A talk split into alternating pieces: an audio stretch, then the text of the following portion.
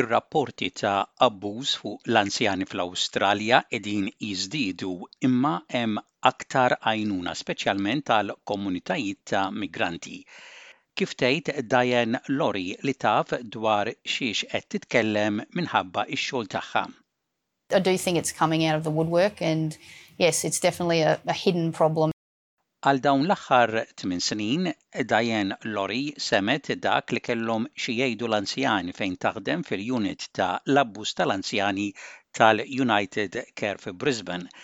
Hija tgħid li l-maġġoranza tat-telefonati kienu fejn tfal adulti tal-anzjani ttrattaw ħażin lill-ġenituri tagħhom, speċi ta' sitwazzjoni ta' abbuż fil-familja.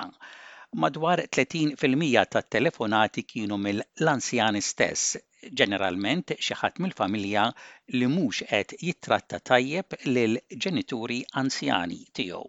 majority of our calls are where an adult child is mistreating their parents, so in sort of abuse within a family. Around about 30% of our calls is the older person themselves, but generally speaking, yeah, it's another family member, someone that's not happy with the with their sibling and doesn't think they're treating their parent appropriately. Ir-rapporti ta' abbuż tal-anzjani madwar id-dinja qegħdin jiżdiedu u fl-aħħar survey li sar fl-Awstralja mill-Istitut tal-Istudji tal-Familja sab li l-każijiet fl-Awstralja qegħdin jiżdiedu wkoll. Madwar ħmistax fil-mija tal-anzjani fl-Awstralja għaddew minn abbuż u dan ifisser madwar 639,000 każ irrappurtat f'sena waħda. Luke Lindsay huwa il-Manager tas-Servizzi tal-Uniting Care fi Brisbane u jgħid li numru kbir ta' Awstraljani qegħdin ikunu affettwati.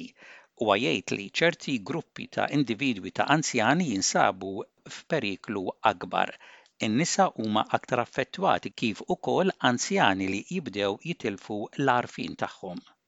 We've taken around three and a half thousand notifications over the last 12 months, and there are certain groups of individuals, of older people, who are at greater risk. We know, for example, that females are overrepresented.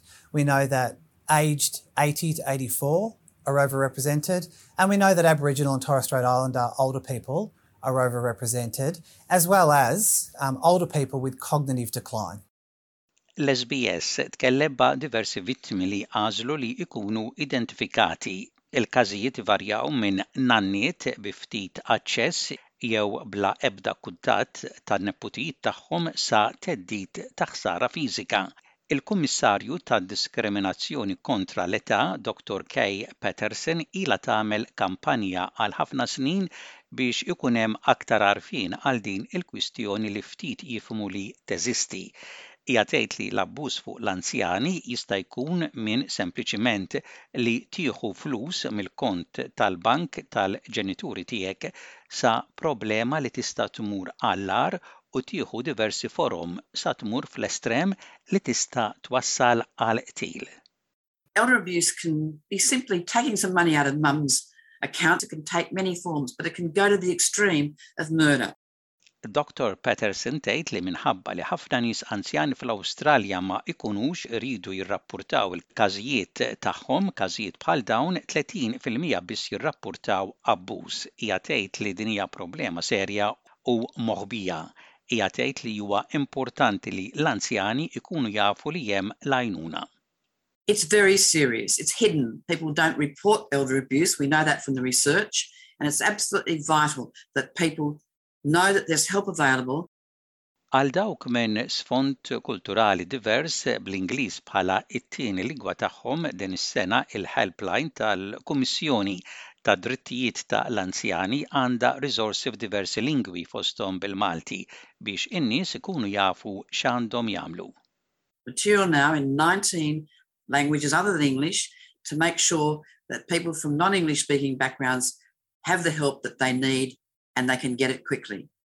Jenny Blakey hija parti mit-tmexxija tal-korp ta' l-azzjoni kontra l-abbuż tal-anzjani fl-Awstralja. Dan huwa korp nazzjonali li għandu l-għan li jelimina t-trattament ħażin tal-anzjani. Hija tgħid li l-pandemija wasslet għal żieda ta' abbuż f'kull forma, inkluż l-abbuż tal-anzjani. B'ħafna iżolati u maqfula fid-dar waqt il-pandemija dan jista' iwassal għal aktar tensjoni u diffikultajiet fir-relazzjonijiet individwali u dan jista' iwassal għal aktar abbuż. Ħafna tilfu x-xogħol u aktar familji jkollhom joqogħdu taħt saqaf wieħed u issa li l-affarijiet qegħdin jitjiebu qed jaraw aktar nies li jistgħu jċemplu u jitkellmu b'mod konfidenzjali dwar dak li kienu għaddejjin minnu. people have been isolated, had to stay at home, couldn't go out, have difficulty getting people um, going out with them, and so that means that they're stuck at home and that they can be stuck with people who there are difficulties in the relationship and that aggravates it. So it becomes more and more tense and abuse increases. The other reason is a lot of people have lost their job through the pandemic. And so that again, families are having to live under the one roof. And now that things are loosening up a bit, I think we're seeing some of that pent up demand coming through with people now being able to make the call to the helpline and talk confidentially and safely about what's been happening. Qal Diane Lawrie mill-Unit tal-Prevenzjoni tal-Abbuż fil-Uniting Care fi Brisbane, Il-messaġġ huwa wieħed ċar, meta tibda tħoss li l-membri tal-familja tiegħek mhux qegħdin jirrispettawk jew jittrattawk kif jixraq, ċempel u tkellem.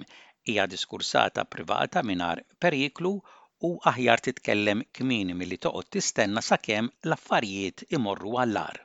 When you start feeling as though your family's not respecting you or not treating you appropriately, call and have that conversation. It, it is it's a safe conversation. Where it's not going to be spread around, and it's better to get in early and have that discussion rather than wait till things escalate.